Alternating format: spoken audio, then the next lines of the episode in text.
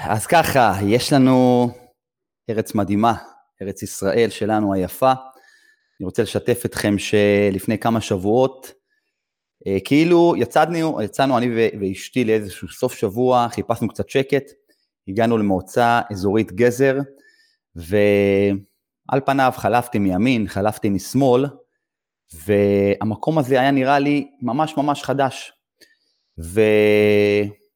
וכשנסענו בנופים שלה, חתכנו את הנופים שלה מימין ומשמאל, הכל היה ירוק, כרמים של ענבים, מטעים, והמקום הזה היה נראה לי ממש חדש, כאילו, כאילו לא הייתי שם אף פעם. זה ממש שימח אותי, היה לי ממש ממש כיף, אני ואשתי מאוד מאוד נהנינו, ואני שואל את עצמי לא פעם, יש המון אנשים שטסים לחו"ל לחפש את השקט, לחפש את הרוגע, והאמת היא שהדבר הזה לא פעם נמצא כאן, ממש מתחת לאף שלנו. יש לנו מדינה כל כך יפה, ובשנים האחרונות אני מוצא כל מיני פינות כאלה יפהפיות שהן מקסימות. אה, גם אם הייתי באזור הזה, אז תמיד יש איזושהי פינה קטנה שעדיין שם לא נגעתי. זאת אומרת, יש רזולוציות או פינות חמדה כאלה שהן בגליל ובדרום ובכל מיני אזורים במרכז, שלא נגענו בהם עדיין. ואנשים מאוד ממהרים לעלות על מטוסים ולעבור אוקיינוסים כדי להשיג שקט. אז אה, אם אתם שואלים אותי, אה, תמיד אפשר לייצר, כי הנופים פה בארץ שואפים לאין סוף, לייצר רגעים כולנו יכולים. וזה מה זה כיף, רק צריך לפתוח את המפה, יש לנו היום כל מיני אמצעים להגיע למקומות הכי הכי הכי אה, קטנים במדינת ישראל, לכל הפינות, זה לא כמו שהיה פעם שהיינו צריכים לפתוח מפות, אבא היה פותח מפה על הרכב, ושעות אה, היה מגיע, אם בכלל מגיע. אז יש לנו ארץ נהדרת, אה, שורה תחתונה.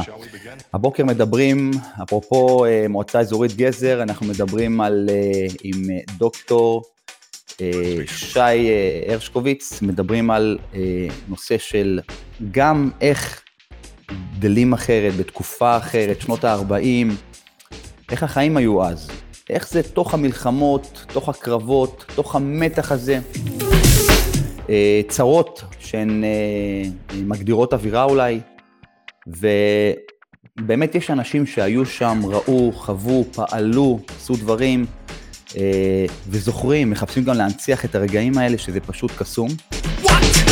הקרב על גזר הוא קרב, אה, קרב ידוע מאוד, הוא קרב שהוא סוחף אה, בסיפור שלו, והיום נמצא איתנו דוקטור שי הרשקוביץ, שהוא גר וחווה את, התקופה הזאת שם לפני שהייתה כל כך מפותחת. אז יש לי את העונג הגדול להציג לכם את דוקטור שי הרשקוביץ, אה, שנתן לנו מזמנו הבוקר. אה, בוקר טוב לשי, מה שלומך? ברוכים הבאים. בוקר טוב. נו. מצוין, תודה. איך החיים, איך הבוקר אה, מבצבץ לו שם במועצה אזורית גזר? קודם כל הבוקר אה, מתאפיין בעיקר ברוח מזרחית וטמפרטורה שעלתה, ויאמר לזכות החזאים שהם מאוד מדויקים. אבל רציתי אה, ברשותך להעיר משהו על הפתיח שלך.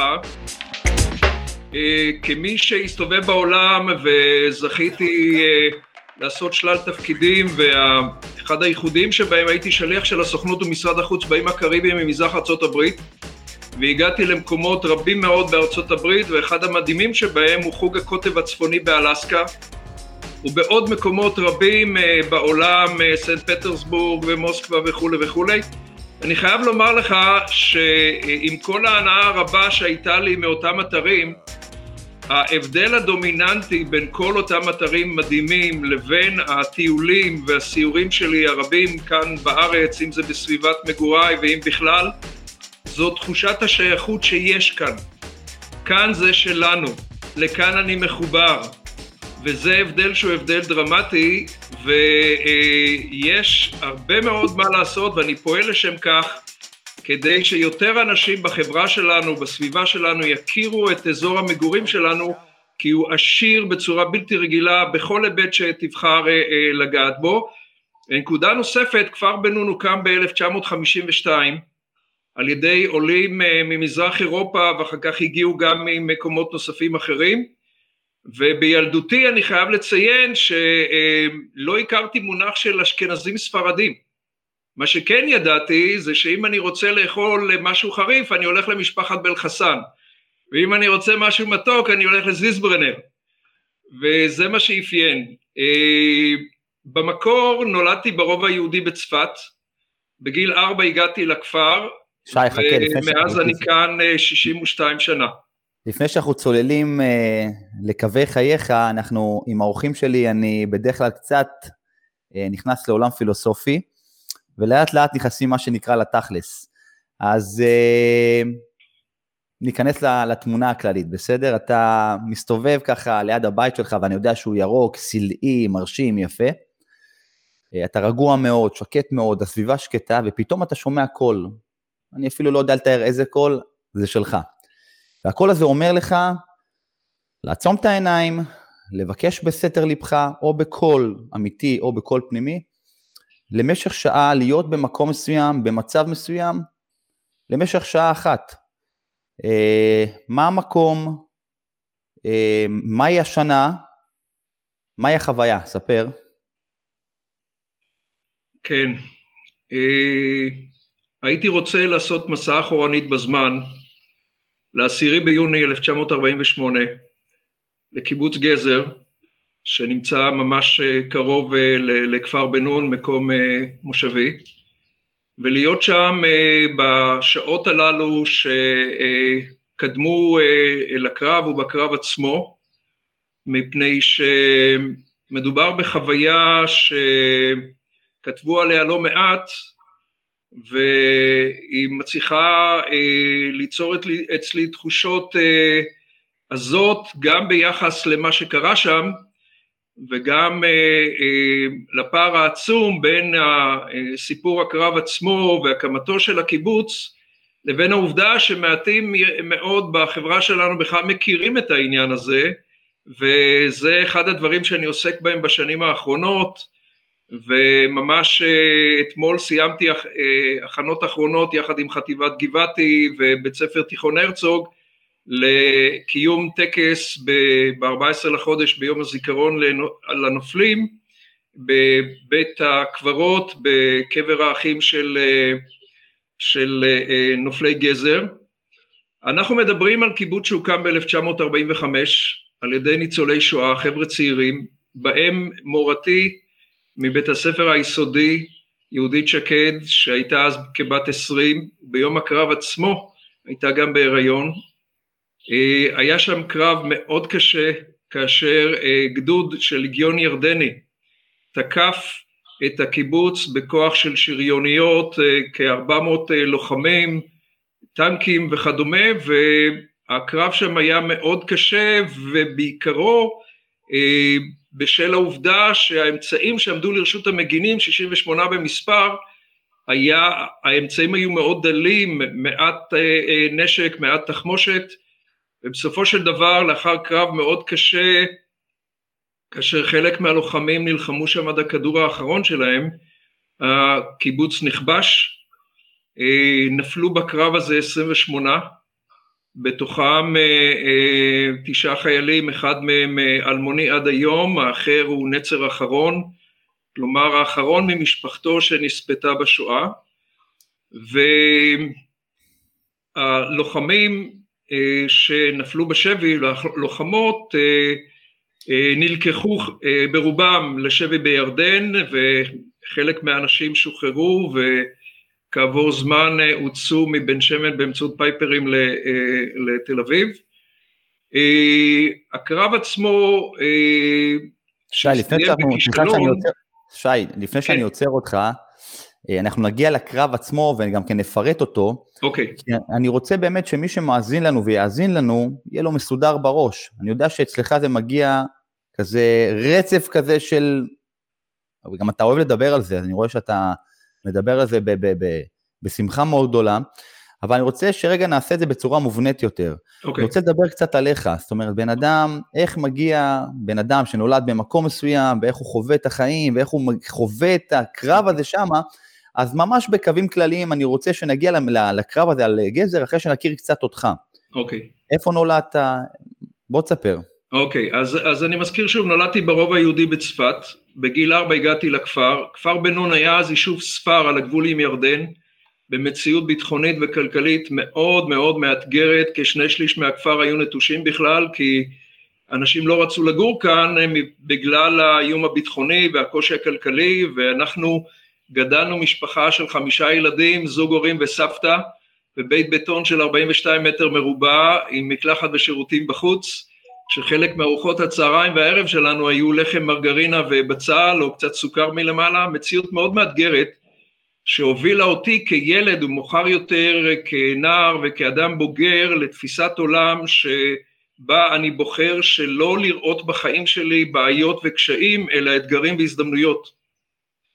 וזכיתי בסקרנות בלתי רגילה שמלווה אותי כל הזמן ובעצם אה, למרות העובדה שביליתי לא מעט באקדמיה אה, אני בעיקר אוטודידקט ובקומה שבה אני נמצא אפשר גם לראות אה, ספרים, יש כאן למעלה מאלף ספרים.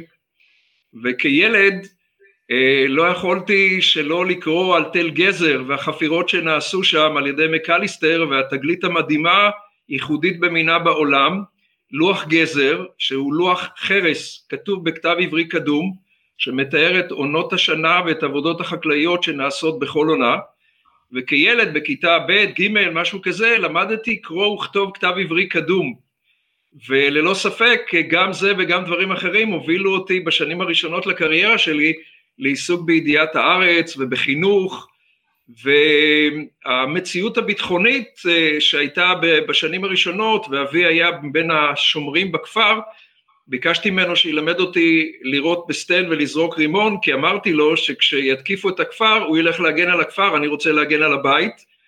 אה, במידה מסוימת אולי זה גם מסביר את הרגישות שלי לכל נושא ההגנה על הבית והצורך להילחם להבין שזה לא מובן מאליו ובהמשך במידה מסוימת בוודאי שזה אה, מרמז לשירות בצבא הייתי בעיקר בשירות במילואים בעשרות שנים.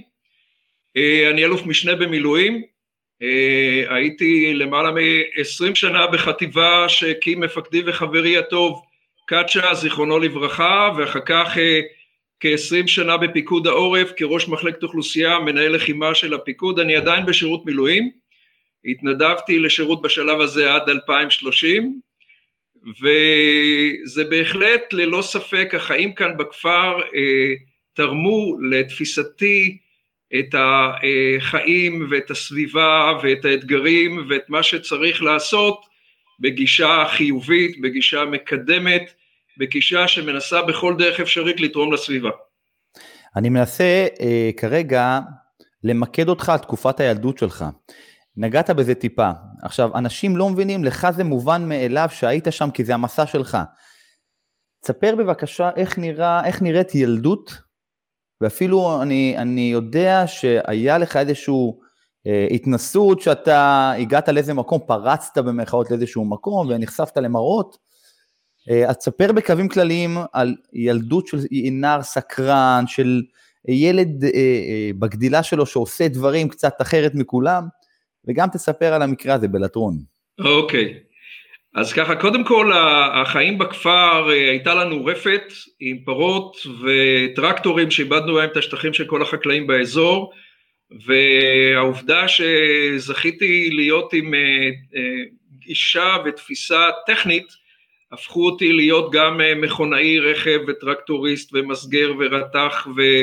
המציאות כאן הייתה כזו כבר בילדות, אה, אתה מגיע מבית ספר, מחליף בגדים, הולך לקצור ירק, מאכיל את הפרות, משתתף בחליבה, מחליף קווי השקיה, אה, מציאות אינטנסיבית שיש בה גם והיה בה הרבה מאוד שיתוף פעולה עם חברים נוספים בכפר שגם להם הייתה, היו רפתות ועשינו תורנויות של איסוף כדי חלב וכדומה אגב, אנחנו מדברים על איזה שנה, שי, על איזה שנה, מדי פעם תציין את השנה. אנחנו מדברים על... Uh, השנים המאתגרות uh, באופן מיוחד היו עד 67, מלחמת ששת הימים, ולאחריה דברים קיבלו תפנית דרמטית משמעותית לחיוב, ומלחמת uh, ששת הימים וקרבתנו הגיאוגרפית ללטרון יצרה חוויות שקודם רמזת עליהן, שכילד מאוד סקרן ובמידה מסוימת חסר אחריות, בחרתי להיכנס למשטרת לטרון שהייתה מוקפת גדר עם סימונים של מוקשים, אבל גיליתי פרצה בגדר ואזור סלעי ושערתי שאיפה שיש סלעים אין, אין מוקשים וכך נכנסתי למשטרת לטרון וצפיתי שם בציורי קיר שציירו הבריטים בחדר האוכל ומאוחר יותר עליתי לאזור שנמצא מאחורי מזר השתקנים יש שם מצודה ענקית ששם היה גם מחנה של הצבא הירדני וכילד אני זוכר את המקום הנטוש ואת כל הסימנים המעידים אבל גם אה, כשירדתי לכיוון באר עתיקה זיהיתי אה, ממרחק אה, גופות של חיילים שהתבררו כחיילי קומנדו מצרי שנפלו שם בקרב. מאוחר יותר הם נקברו באופן ראוי ומכובד לא רחוק ממה שהיום אנחנו קוראים מיני ישראל במילים אחרות הכפר סיפק לאורך השנים וגם כיום הרבה מאוד אתגרים והרבה מאוד עניין והרבה מאוד הזדמנויות ללמידה, להתנסות ואני בהחלט אסיר תודה על כך, זכיתי. תגיד לי, אה, אז, אז אני מבין שהמציאות לא הייתה פשוטה, ואתה נער, אתה גדל במקום שהוא על פניו מאוד פסטורלי, האווירה אולי קצת מתוחה, אני לא יודע אם אתם הרגשתם את זה כל כך, או הייתם, או חייתם את התקופה, וזה היה, זו הייתה השגרה. והקרב על גזר, אני רוצה שתנסה באמת, אני חושב שדיברת על הקרב על גזר אולי על מאות, מאות פעמים, אני חושב, לא? אה, אני רוצה אבל שתנסה לספר את זה כמו בפעם הראשונה, שאולי התרגשת טיפה, שתגרום לאנשים לדמיין את הסיטואציה הזאת, להבין. אני, אני רוצה לשמוע את זה ממך, שמעתי את זה בקווים מאוד כלליים, ואני אשמח לשמוע את זה בצורה יותר רעננה, יותר שהמוח שלי יוכל לצייר את התמונות, לשמוע את הרעשים האלה אה, בדמיון. ניתן לך את הבמה לספר ולרדת לפרטים טובים ועסיסיים, כדי שאנחנו רגע לפני אה, יום הזיכרון לחללי אה, מדינת ישראל, או חללי צה"ל, והסיפור הזה יכול להיות ממש אה, פרומו לא רע. אז אה, בהצלחה. כן. אה, קיבוץ גזר הוא קיבוץ עם היסטוריה ארוכה שמפאת קוצר הזמן לא נוכל לפרט אותה, אבל הוא בעצם היה סוג של אי גיאוגרפי שממוקם בסביבה של יישובים ערביים, בקרבתו ביריה ואל-קובab ואבו שושה וכמובן גם הערים רמלה ולוד, אוכלוסייה אה, ערבית אה, מאוד אה, משמעותית. בראשיתו של הקיבוץ היה ניסיון שצלח במשך מספר שנים לרקום קשרים טובים עם ערביי הסביבה, בעיקר אבו שושה, ומי שהוביל את זה היה שומר השדות זורי, שמאוחר יותר נרצח על ידי הערבים. אה, אבל אוד היה דובר ערבית ושמר על קשרים מאוד טובים איתם, אה, זה אה, היה רק איזשהו פרומו לתהליך שבמסגרתו חרשו את האדמות סביב הקיבוץ הזעיר שככה עושה את הצעדים הראשונים שלו וחבר'ה מאוד צעירים עם רקע לא פשוט של ניצולי שואה כאשר הם עובדים הם מנסים להקים רפת ופלחה ועבודה לא פשוטה וגם uh, תחילת התבססות במובן של יצירת מערכת או מערך הגנה שאמור להגן על הקיבוץ מפני אפשרויות של תקיפה, משהו שכל הזמן uh, ליווה אותם בתודעה. ומציאות היומיום הייתה מציאות לא פשוטה כאשר באותם שנים הציר הראשי שהוביל את התעבורה לכיוון ירושלים עבר ממש בקרבת הקיבוץ ושיירות שבחלקם עברו דרך הקיבוץ כדי להביא אספקה לירושלים נחו שם ותדלקו וזכו לשינה טובה או לארוחה טובה והמשיכו בדרכם. המציאות הייתה מציאות של אה, בנייה של טיפוח, של עבודה קשה, של המון חריצות, של המון התמדה, של השקעה, והדבר הזה הוביל לאט לאט להקמתו של אה, משק שראשוני אה, המייסדים גם הקימו משפחות צעירות, ככה שההתחלה נראתה בהחלט מבטיחה ולמשך פרק זמן מסוים אפילו הייתה שקטה עם מפגשים שנעשו בין המכובדים של הכפר אבו שושה לחבר'ה מקיבוץ גזר שבאו לבקר, בהחלט אווירה מאוד מאוד נעימה כאשר הדבר הזה הלך וקיבל שינוי ותפנית כאשר מלחמת השחרור הובילה לכך שהייתה מגמה מאוד משמעותית שמטרתה הייתה לנסות ולפנות את ציר הדרך הראשית לירושלים עם כל מה שכרוך בקרבות לטרון וקרבות נוספים שהיו בסביבה והדבר הזה הוביל גם לקרב שאנחנו מדברים עליו שהיה בג' בסיוון תש"ח עשירי ביוני 48 כאשר כוח משמעותי של הליגיון הירדני מאות לוחמים בסיוע של תושבי הסביבה בפיקודו של קצין בריטי. צריך לדעת שבאותם שנים הבריטים היו הגורם שהוביל, טיפח, אימן את הליגיון הירדני ולכן גם קצין בריטי הוביל את, ה, הוביל את ההתקפה הזאת. באותה עת מלחמת העצמאות צריך לומר הייתה בעצם המלחמה הקשה ביותר בתולדות ישראל עד כה.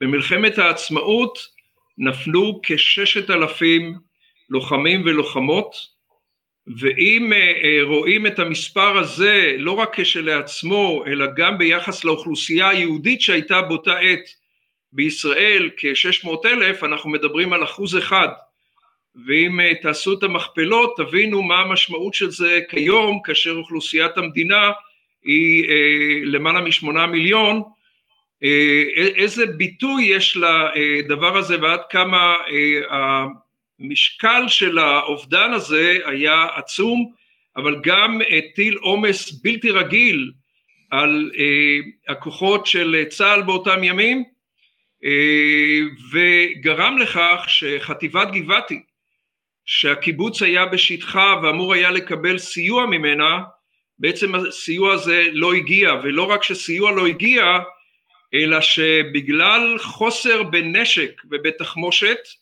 נהגו לקחת נשק ותחמושת ולצמצם את האמצעים שעמדו לרשות יישובים כאלה ואחרים לטובת מקומות שהיו יותר מאוימים והיו צפויים להתקפות כדי לתגבר אותם ודבר דומה קרה גם בגזר והוביל לכך שהיכולת של המגינים לעמוד אל מול ההתקפות הייתה בסך הכל די מצומצמת ומוגבלת ולאחר מספר שעות של מתקפות בלתי פוסקות וניסיונות פריצה הכוח הירדני הצליח לפרוץ פנימה לתוך הקיבוץ ובקרב מאוד קשה הקיבוץ הזה נכבש כאשר כפי שציינתי קודם חלק מהלוחמים גם נלחמו עד הכדור האחרון היו לא מעט מעשים הירואיים וגם מעשים הומניים שנעשו בחלקם על ידי קצין בריטי שבעצם מנע מלוחמי ליגיון ירדני להוציא להורג חלק מהשבויים שנותרו בחיים ואחר כך הובלו, ל... הובלו לירדן לשבי. אותו דבר גם קרה בניסיון שהיה, מספר ניסיונות שהיו לפגוע בנשים והדבר הזה נאסר וזה ייאמר לזכותם. הקרב שהיה קרב מאוד מאוד קשה הסתיים בכך שהקיבוץ בעצם נכבש ומאות מערביי הסביבה זרמו פנימה לתוכו כדי לבזוז ושמעתי על כך לא מעט סיפורים בעיקר בשנים האחרונות ממורתי יהודית שקד שלשמחתי הרבה מלאו לה 96 חדה קטר עם זיכרון מדהים ולאחר הרבה מאוד שנים שהם לא ממש שיתפו החליטו יותר לשתף ויותר לפעול כדי שה עניין או סיפור הקרב ומה שהיה סיפורו של הקיבוץ יגיע לתודעה של הרבים, גם שלנו כאן בחברה הישראלית וגם של העם היהודי, כי לא ספק אה, הסיפור הזה הוא משמעותי, ואני אוחז פה אה, בספר שקיבלתי ממורתי, יומה של גזר, שמתאר את סיפור הקרב ואת מה שקרה כאן, ובכריכה שלו כותב דוד בן גוריון, ב-19 ביוני 48, היו במערכות שלנו עד עכשיו מקרים יותר טרגיים מאשר בגזר, אבל בכל ששת החודשים לא היה מקרה מר ומטמיע כמקרה, כמקרה זה. לא היה כל הכרח שגזר תיפול בידי השונא אף לרגע אחד. אה, יש כאן ללא ספק אה, אמירה מאוד מאוד אה, משמעותית שהיא גם אחת הסיבות שהעניין הזה ממשיך עד היום להטריד באיזשהו מקום. אנחנו כחברה בהרבה מקרים יותר עוסקים בניצחונות, בסיפורים שבהם ידנו הייתה על העליונה וכאן זה לא היה המקרה וחטיבת גבעתי במובן הזה אה, לא הצליחה ולכן הקיבוץ אה, נפל. אגב, זכר לאחריות ההיסטורית של חטיבת גבעתי על אה, קיבוץ גזר בא לידי ביטוי בכך שבימי הזיכרון בשנים האחרונות מגיעים חיילים מחטיבת גבעתי כדי להניח פרחים ודגלונים אה, בקבר האחים של הנופלים אה, בקיבוץ אה, גזר וכך יהיה גם השנה אם כי במסגרת קצת יותר מצומצמת מבחינה מספרית. אז מה שאני אומר זה ש... וזה מתחבר גם לדברים שאמרתי קודם, אנחנו יודעים פחות מדי על מה שקרה והתרחש סביבנו במהלך השנים והדורות וכפי שנאמר כבר בעבר, עם שעברו אינו זכור, אינו מוכר, עתידו לוט בערפל, וזה אכן כך. וכדי שאנחנו נוכל להבטיח את המשך קיומנו כאן כחברה וכמדינה חופשית, דמוקרטית, צודקת, יהודית, אה, חשוב שאנחנו נזכור את כל הדברים הללו, ומחיר הקרב בגזר היה מחיר מאוד קשה, למעשה הקיבוץ לא הצליח להתאושש בצורה מלאה, ב-1961 למעשה עזבו אחרוני החברים והחברות של גזר את הקיבוץ. במשך מספר שנים עד 1974 הקיבוץ הוחזק על ידי גרעיני נחל ורק אז הגיע גרעין של יהודים רפורמים מארצות הברית שיישב את הקיבוץ מחדש אה, ומאז הקיבוץ אה, הולך ומתפתח וכעת אה, הוא בהחלט מצוי במציאות של פריחה ושגשוג ויאמר זאת לזכות מי שחיים שם היום, מי שמנהלים את המקום.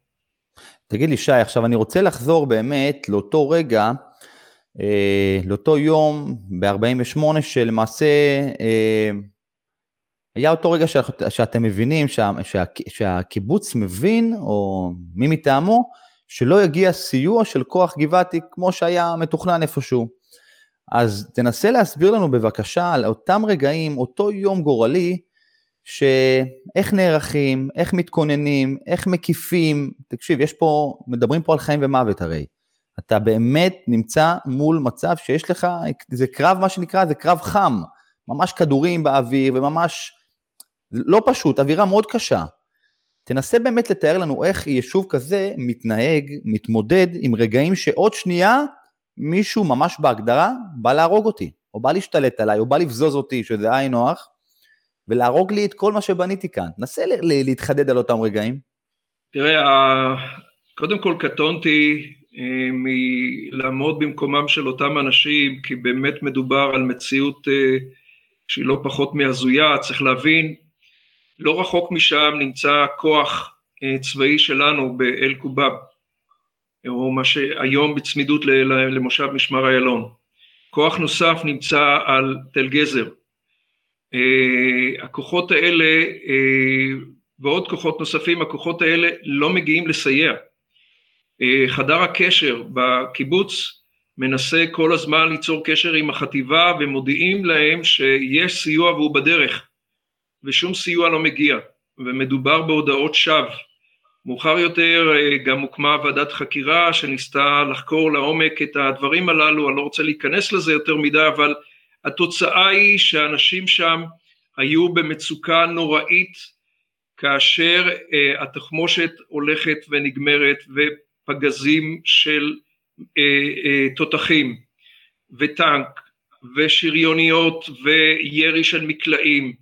והיכולת של המגינים uh, להגיב לדבר הזה היא מאוד מצומצמת כי התחמושת שעומדת לרשותם מאוד מצומצמת, חלק מהעמדות היו עמדות גבוהות, uh, ממש מבני בטון שהיו תוצר של קונספט שהיה קיים באותם ימים וזה קונספט שלא היה נכון מפני שקל היה לטווח את המבנים הללו והם למעשה לא, לא הצליחו לספק הגנה ובעצם מה שנותר זה העמדות שנחפרו, תעלות הקשר וכדומה ומדובר בקרב של הישרדות שמספרם של הנפצעים הולך וגדל אה, מספר מצומצם של אה, אה, מגינים הצליח להימלט וברח לכיוון נען, אבל הרוב פצועים וכאלה שנותרו בחיים נשארו ובעצם ברגע שמסגרת ההגנה נפרצה הפכו להיות שבויים בידי לוחמי הלגיון שלמרבה המזל מי שהוביל אותם אה, ידע גם אה, אה, לשמור על חייהם ולא תמיד הוא הצליח, גם היו כאלה שכן נרצחו, אבל לגבי הרוב הוא כן הצליח לשמור על חייהם ולמנוע את, את הרצחם ועדיין המחיר היה מחיר מאוד כבד של 28 נופלים. תגיד ישי, למה, למה היישוב, הקיבוץ, מתקשה להתאושש אחר כך? מה, מה קורה? זאת אומרת, בוא תספר מה, אוקיי, כן. יהיה קורה מה שקורה, שהוא מזעזע בעיניי.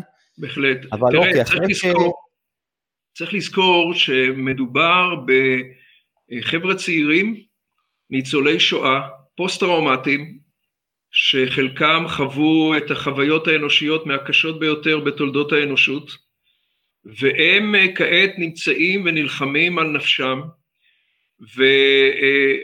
הפוסט טראומה הזאת הובילה חלק מהם גם למקומות מאוד קיצוניים, כולל כאלה שהתאבדו, בחרו לא להמשיך לחיות. אה, המציאות הייתה מאוד מאוד קשה, מאוד קשה, ולמעשה הנטל הזה שרבץ עליהם, של החוויות, של המראות, אה, מנע ככל הנראה מאנשים אה, את היכולת לרצות ולהמשיך להישאר במקום כאשר הזיכרון הזה מלווה אותם בצורה כל כך אה, קשה ומוחשית ואני אה, אזכיר שוב את מורתי שביום הקרב עצמו בת עשרים בהיריון אה, לאחר שנה וחצי התינוקת שלה נפטרה. בעלה הראשון נפל בקרב לימים היא נישאה עם חבר קיבוץ אחר שהפך להיות מנהל בית הספר היסודי שבו למדתי שלמה שקד זיכרונו לברכה ויש עוד המון סיפורים שבעצם הם יוצרים תמונת מצב של אה, עננה מאוד כבדה שמאוד מכבידה ומאוד קשה והייתה שם גם הפצצה של המצרים על הקיבוץ.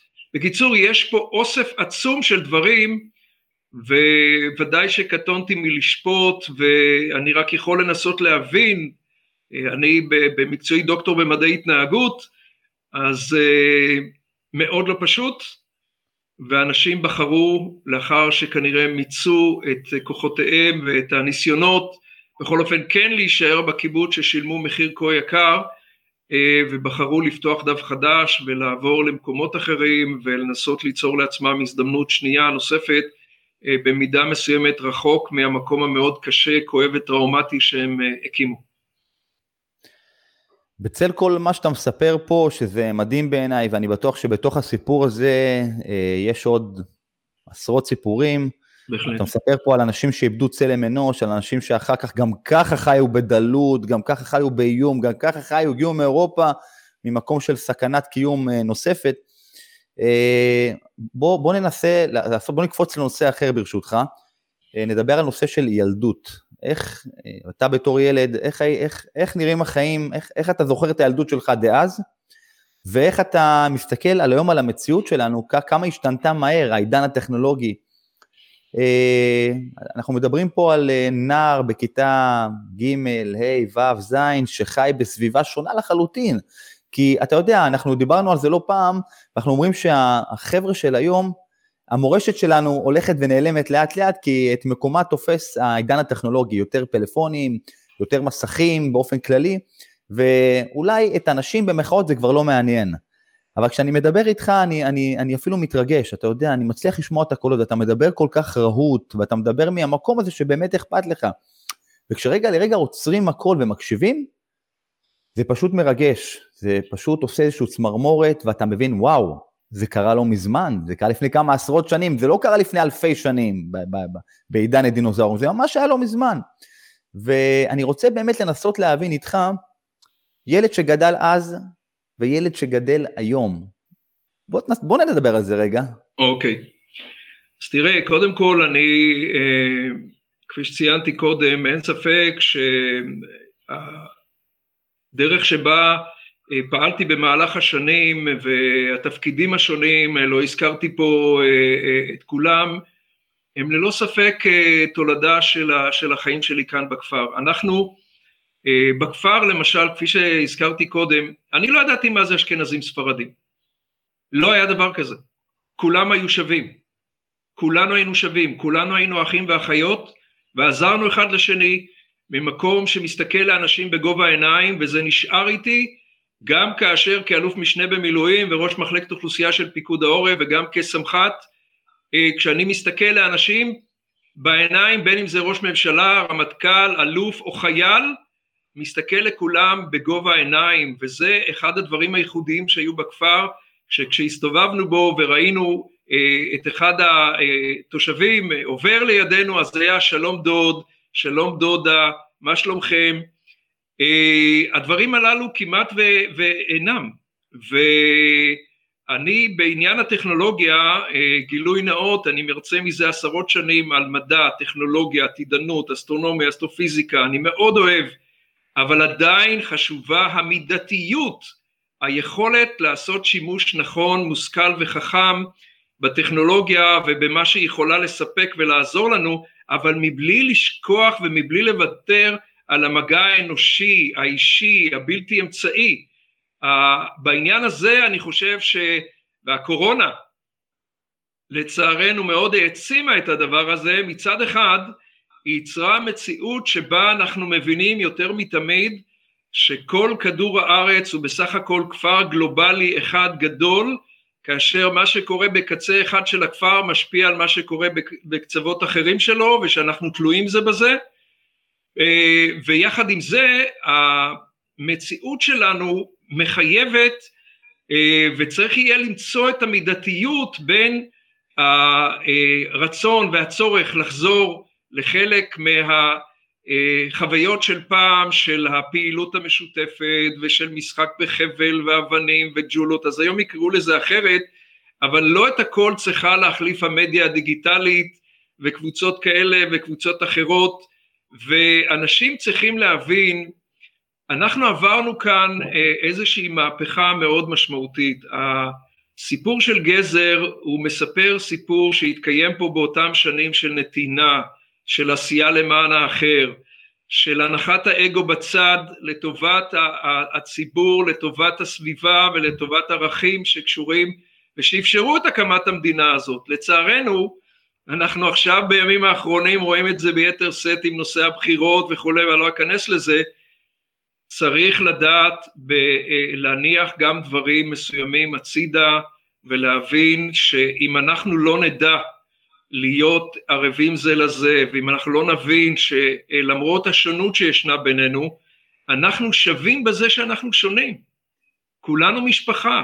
אחד הדברים הייחודיים בגזר שמובילים אותי לשם פעם אחר פעם גם כאיש חינוך, עסקתי בהוראה וכדומה, זאת למשל העובדה שקבור שם בחור שנפל בקרב בגזר כשהוא היה בן 16, הוא הגיע רק שלוש שנים לפני כן מרומניה, שיקר ביחס לגילו, הצטיין בקרבות שהוא התנדב אליהם ונפל בקרב והוא קבור לא רחוק מנער בגיל 19 שמוצאו מתימן שהגיע כמה שנים לפני כן ואני שואל את עצמי ואת המאזינים, ואני בהרצאות שלי ובשיחות ובמפגשים מדגיש את זה, מדוע רק בבית העלמין הצבאי אנחנו שווים? מדוע רק שם אנחנו אחים? למה רק כאשר אנחנו אה, אה, מתבוננים בנו אויבינו, הם רואים אותנו כקבוצה אחת ואחידה, ואנחנו בינינו לבין עצמנו, במקום להדגיש את המשתף, אנחנו עוסקים באותם אה, אה, היבטים שהם מבחינים בינינו, שמפרידים בינינו, מפני שהמשותף הוא הרבה יותר גדול מהמפריד. וישראל בעניין הזה ללא ספק היא מקום מאוד ייחודי, היום כמעט לכל אדם ברחוב שתגיד אני מכיר אותך, זה כנראה נכון, כי יש חיבור מהצבא או מהלימודים או מפעילות כזאת או מפעילות אחרת, והסתובבתי בעולם, אין עוד מקום כזה, וצריך לדעת להעריך את זה, וצריך לדעת להבין שאם לא נטפח את זה, זה לא יישאר פה לנצח. וחברות אמת, ואהבת אמת, וחיבור, וקישור, והידיעה שאתה לא לבד, היא לא דבר שניתן לבסס אותו אך ורק באמצעים דיגיטליים. ולכן צריך ליצור פה את האיזון ואת המידתיות, ולכך אני מחנך את נכדיי להכרת הארץ ולידיעת הארץ, והחיבור הוא מאוד משמעותי. תראה, כשהייתי מורה בתיכון עסקתי בשלח.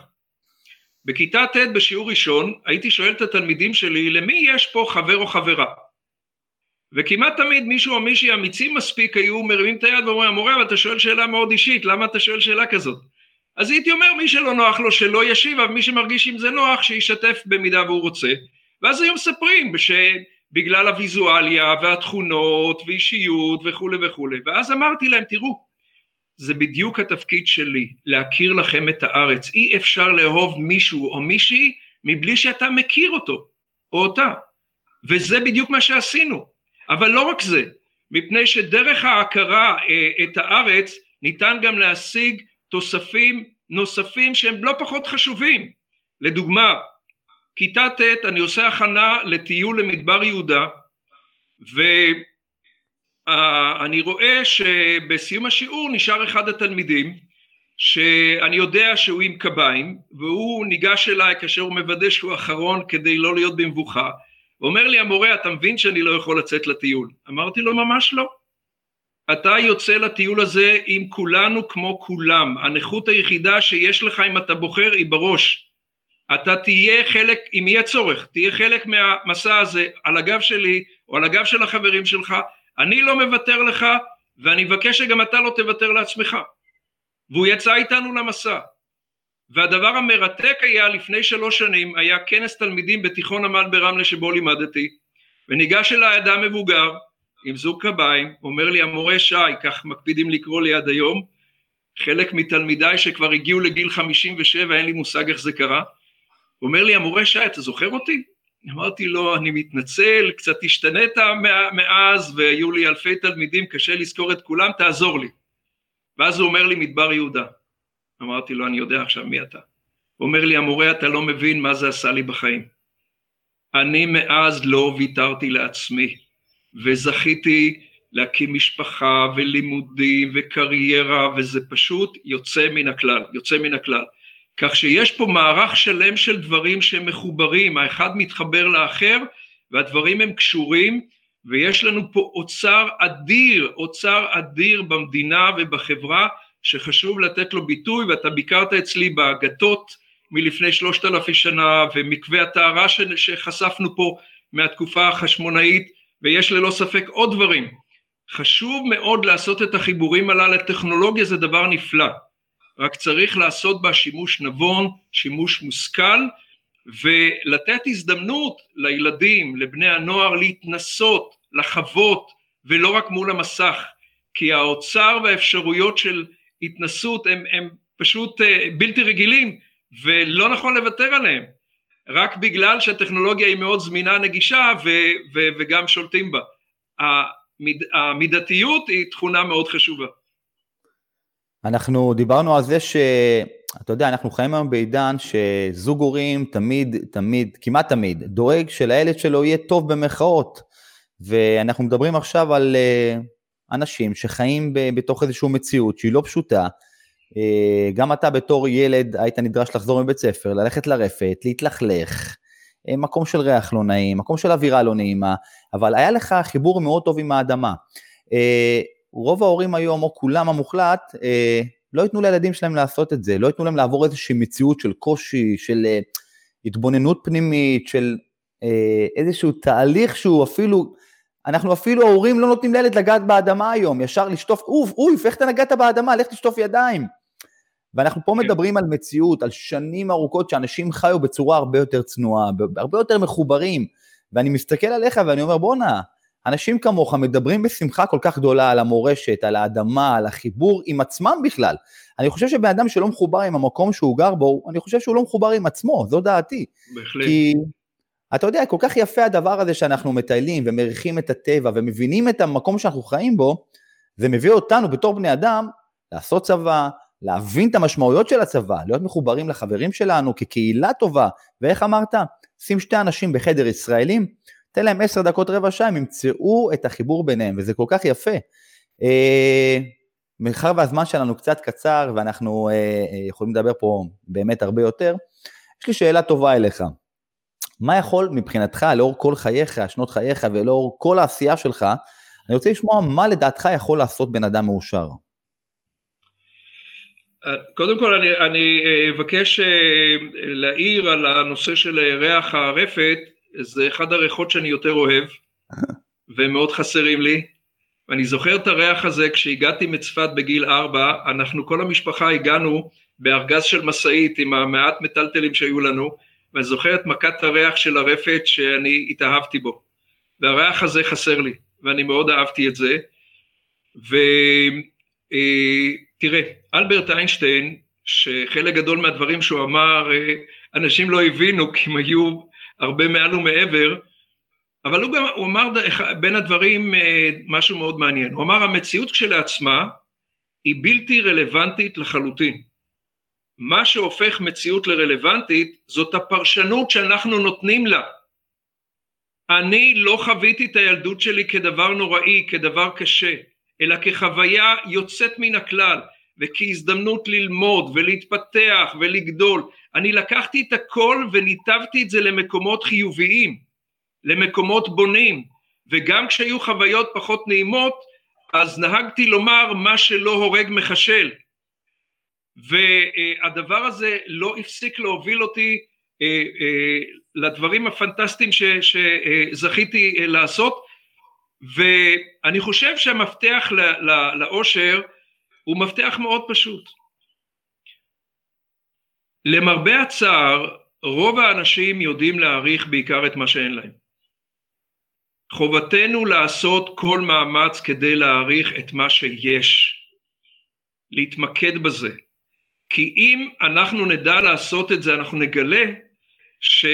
הגורמים לאושר הם רבים, הם בהישג יד, הם סביבנו, הם עוטפים אותנו, אנחנו מחוברים אליהם ובמקום לעסוק בעיקר בדברים שחסרים, בואו נהנה ממה שיש ולא נדע אה, או פתאום נגלה את זה רק כאשר משהו איננו, כמו הבריאות, שחשוב שאנשים ידעו לטפח אותה, להשגיח עליה, ולא להתעורר רק כאשר חלילה קורה משהו וכשאתה יודע לעשות את זה גם בהיבט הפיזי וגם בהיבט הבריאותי והנפשי והפסיכולוגי הרי שאתה מוביל את עצמך למקום יוצא דופן חיובי ואגב רק אה, בימים האחרונים קראתי אה, מחקר של פרופסורית שקיבלה על זה פרס נובל, מחקר על טלומרים, טלומרים הם מרכיבים בתוך התאים שלנו שמגדירים את פרק הזמן של התא ואת מידת ההזדקנות שלו ואת קצב ההזדקנות שלו.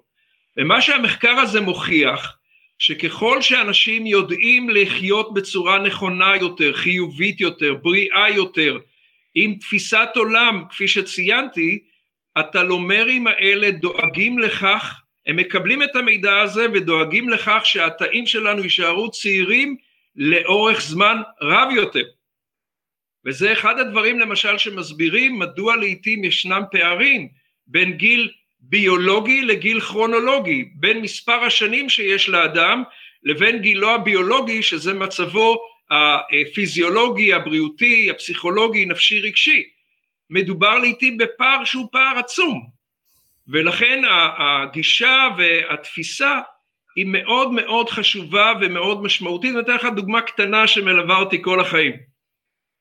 הייתי בין יתר תפקידיי אה, קצין חופשי בחטמ"ר 769 שנמצא בצפון והייתה לי גם הזכות להקים את הגדר הטובה במטולה שזה סיפור נפרד בפני עצמו וכשהגעתי הביתה אה, לשבת חוזרים ביום ראשון לבסיס וכפר בן נון מרוחק מצפת מרחק 200 קילומטר אה, כל כיוון ואני נמצא על הכביש הראשי שעוברות שם לא הרבה מכוניות עם הציוד שלי ונשק ומושיט יד שיעצרו לי ולצערי אף אחד לא עוצר ואני אומר לעצמי אל תכעס עליהם, יעצור לך מי שיוכל לקרב אותך ואין שום סיבה לכעוס על מי שלא עוצר ולחשוב מה המקצוע של האימא שלו או משהו מהסוג הזה.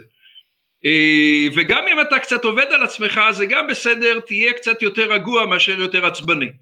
ואני עומד ככה עם החשיבה הזאת עשר דקות, עשרים דקות, שלושים דקות, קרוב לארבעים דקות. ופתאום עוצרת מונית. אני ניגש אליו, שואל אותה, אתה עצרת בשבילי? הוא אומר לי, כן, בבקשה תעלה. אבל מאחר ומדובר במונית, אז אני שואל אותו, וזה טרמפ? הוא אומר לי, כן, כן, בוודאי, תעלה. אני מתיישב ואנחנו מתחילים לנסוע. כעבור דקה שתיים אני אומר לו, תשמע, יש לי צורך להגיד לך משהו, ואל תכעס עליי אם זה יישמע לך מטומטם. אומר לי, כן, בבקשה. אני אומר לו, אתה מביא אותי בדיוק לאן שאני צריך להגיע. אז הוא מתחיל לצחוק ואומר לי, אבל אני אפילו לא אמרתי לך לאן אני נוסע. אמרתי לו, נכון, אני אגיד לך לאן אתה נוסע. תקשיב טוב. אני אומר לו, אתה נוסע לצפת לרחוב קרן היסוד. הנהג כמעט איבד את השליטה על ההגה. לשם הוא נסע. סיכויי ההסתברות, לא נעסוק בהם כעת. לקח לי בכלל שנים להבין מאיפה הבאתי את האנלוגיה הזאת ואיך הצלחתי להגיע לאמירה הזאת בכלל. והפרשנות שנתתי לעצמי הייתה שאם אה, רכב רגיל שעוצר לך, מקרב אותך, הרי שמונית ממש מביאה אותך קרוב, ועוד אם זה ללא תשלום, נו, אז הוא מביא אותך בדיוק לאן שאתה צריך. וזה שזה גם יקרה, כוחה של חשיבה חיובית, וזה מלווה אותי כל החיים, וזה יוביל אותי למקומות פנטסטיים, כפי שציינתי את חלקם uh, בשיחה.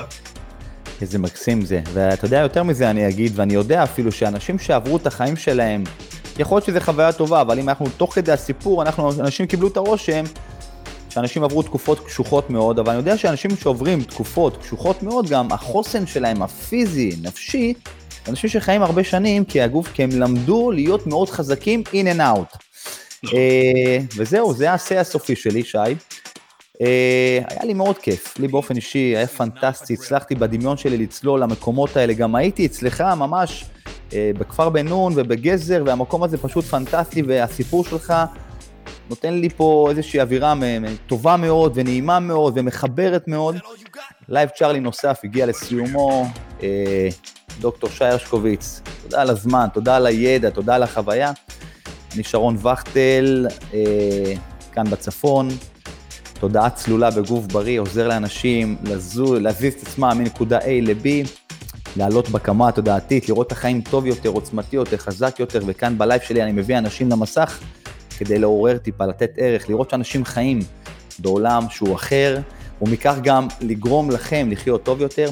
ומי שלא אה, זכה להיות פה באנרגיה העוצמתית, יכול לצפות, אה, או יותר נכון להאזין לפודקאסט שלי, פודקאסט צ'ארלי, אני חושב שהפרק הזה כבר פרק 36, האודיו פה עולה ערוך לפודקאסט בשעות הקרובות. וזהו, שי, תודה רבה. תודה לך על ההזדמנות אה, לשתף.